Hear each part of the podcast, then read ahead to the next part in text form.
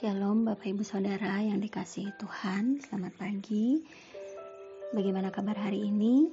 Saya percaya kita semua ada di dalam lindungan Tuhan, pemeliharaan Tuhan dan juga kasih karunia Tuhan. Amin. Mari sama-sama kita mengawali hari ini dengan bersaat teduh karena kita percaya firman Tuhan adalah sumber kekuatan bagi kehidupan kita. Mari sama-sama kita berdoa, Saudara. Bapa, kami mengucap syukur untuk pagi hari ini Tuhan. Terima kasih buat hari yang baru yang kau berikan. Terima kasih buat perlindunganmu Tuhan sepanjang malam ketika kami beristirahat. Dan pagi hari ini kami boleh bangun dengan keadaan yang baik, tidak kurang suatu apa pun. Kami mengucap syukur ya Tuhan. Hari ini Bapa, kami rindu mendengarkan suaramu. Kami beri hati kami kepadamu Tuhan. Kami mau bawa hati yang taat untuk melakukan firman Tuhan dan ajari kami untuk dengar-dengaran akan suaramu ya Tuhan. Tuntunlah seluruh kehidupan kami dengan kebenaran firman Tuhan. Terima kasih Yesus, kami siap dengarkan firman-Mu dalam nama Yesus. Amin. Ya, Bapak Ibu, hari ini kita uh, masih terus merenungkan kitab Ayub dan renungan hari ini diambil dari kitab Ayub pasal 36 ayat 1 sampai 33. Kitab Ayub pasal 36 ayat 1 sampai 33. Judul perikopnya adalah tujuan sengsara ialah pertobatan. Nah, dalam renungan eh, kemarin dalam Ayub pasal 35 sudah dikatakan bahwa eh, kita jangan menyalahkan Tuhan atas keadaan yang kita hadapi. Karena kita harus percaya bahwa kita punya Tuhan yang besar dan Tuhan yang adil. Kita tidak boleh meragukan keadilan Tuhan. Amin. Nah, dan di dalam pasal yang kita baca hari ini, yaitu pasal 36, Elihu masih meneruskan perkataannya kepada Ayub. Namun saya tertarik uh, untuk kita merenungkan uh, ayat 8. Di Ayub 36 ayat 8, Firman Tuhan berkata seperti ini. Jikalau mereka dibelenggu dengan rantai, tertangkap dalam tali kesengsaraan. Sekali lagi, jikalau mereka dibelenggu dengan rantai, tertangkap dalam tali kesengsaraan. Rantai kita tahu sesuatu yang keras ya saudara, yang terbuat dari besi, sulit untuk dipatahkan. Kemudian ada juga rant, e, tali tali kesengsaraan. Kalau dalam versi bahasa Inggrisnya disebutkan cords of trouble. Cords itu artinya tali yang benangnya dipilin e, menjadi seperti tambang, ya seperti itu. Berarti bukan hanya tali biasa, tapi tali yang kuat sekali yang e, dipilin kemudian disatukan seperti itu sehingga e, sangat kuat dan e, pasti tidak akan mudah putus. Nah, bayangkan uh, Elihu mengatakan bahwa kehidupan manusia itu seperti kita itu dibelenggu dengan rantai dan juga tertangkap dalam tali kesengsaraan.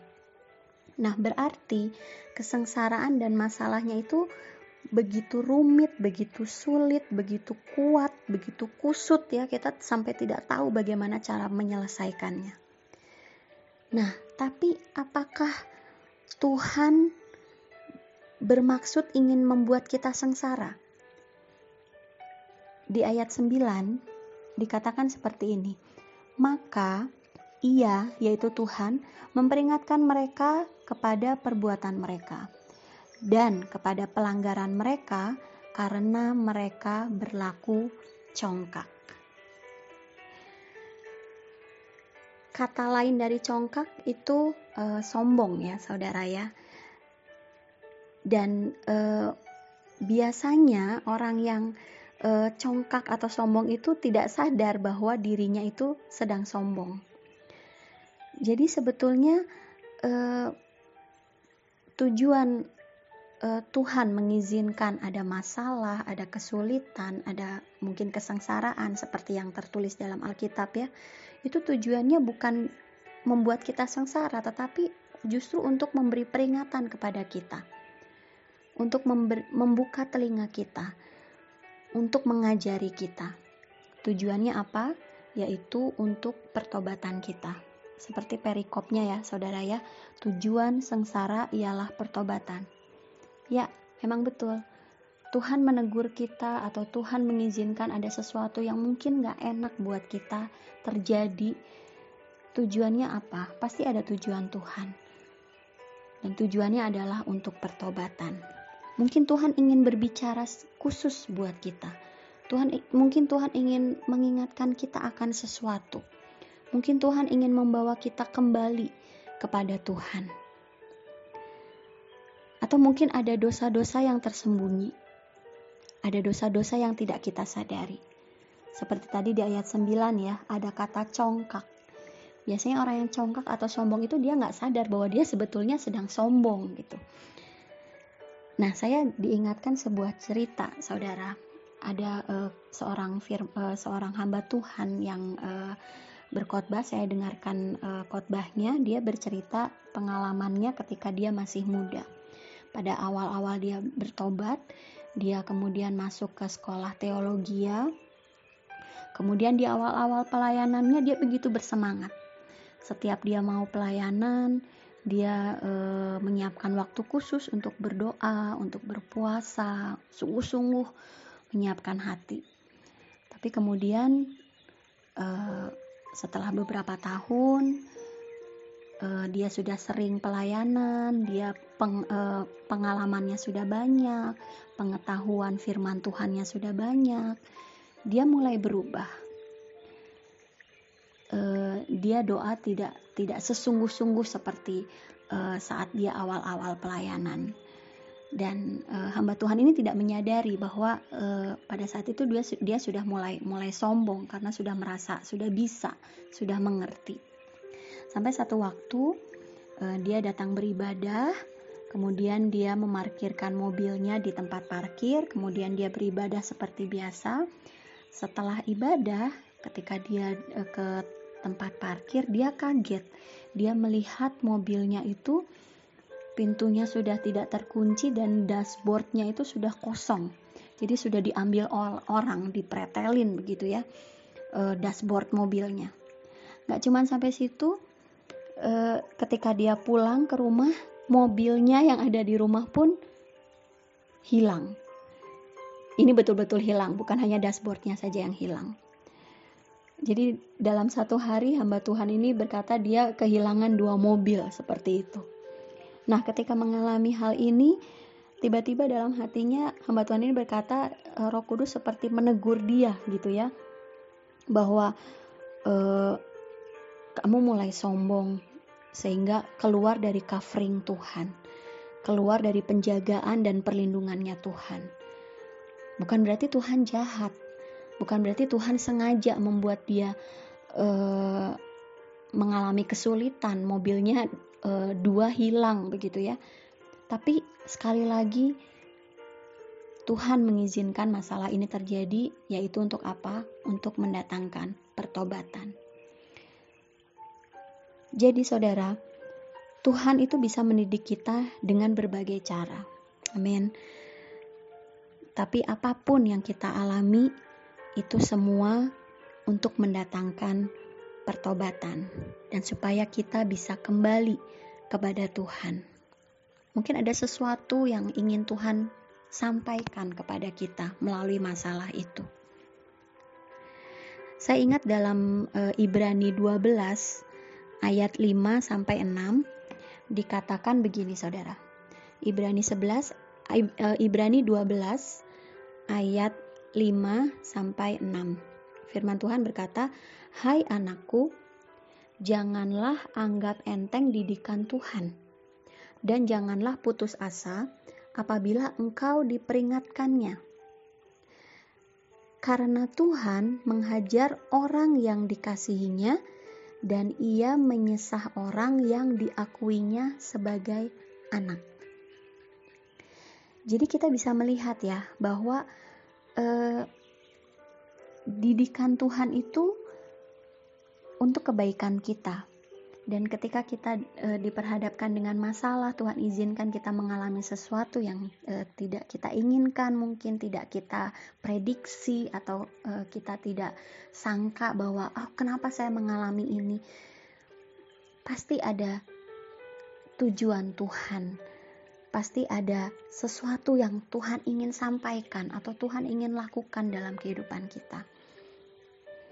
Jadi, Bapak, Ibu, Saudara, saya mengajak, ayo sama-sama kita selalu berespon positif ketika kita menghadapi apa pun di dalam kehidupan kita. Karena respon saat kita menghadapi masalah itu sangat penting. Bagaimana respon kita itu akan menentukan apa yang kita lakukan setelah itu. Jika kita merespon positif, maka kita akan bisa berpikir positif dan kita juga akan bertindak positif. Jadi marilah kita sama-sama kita belajar selalu berespon positif.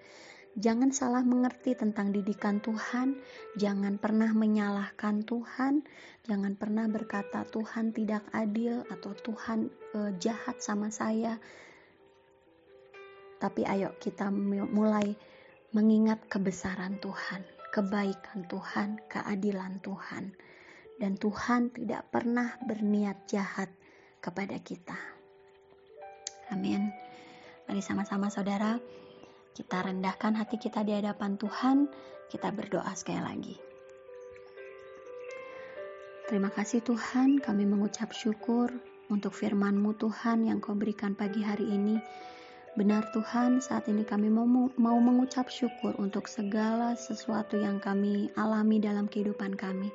Kami tahu Tuhan, Kau tidak pernah punya niat jahat dalam kehidupan kami dan segala yang terjadi Tuhan tujuanmu adalah mendatangkan pertobatan supaya engkau bisa berbicara secara spesial untuk kami Tuhan engkau bisa melakukan kehendak dan rencanamu di dalam kehidupan kami Tuhan Ajari kami Tuhan untuk menyerahkan seluruh kehidupan kami ke dalam tangan Yesus. Karena kami percaya Tuhan Engkau punya rancangan yang terbaik buat kami. Engkau mengasihi kami. Kami buka hati kami saat ini Tuhan, ampuni sekiranya ada dosa-dosa yang tersembunyi atau ada dosa-dosa yang tidak kami sadari Tuhan, ampuni kami. Biarlah Tuhan Engkau yang mengajari kami untuk kami hidup seperti yang Kau inginkan. Terima kasih Tuhan, kami mengucap syukur.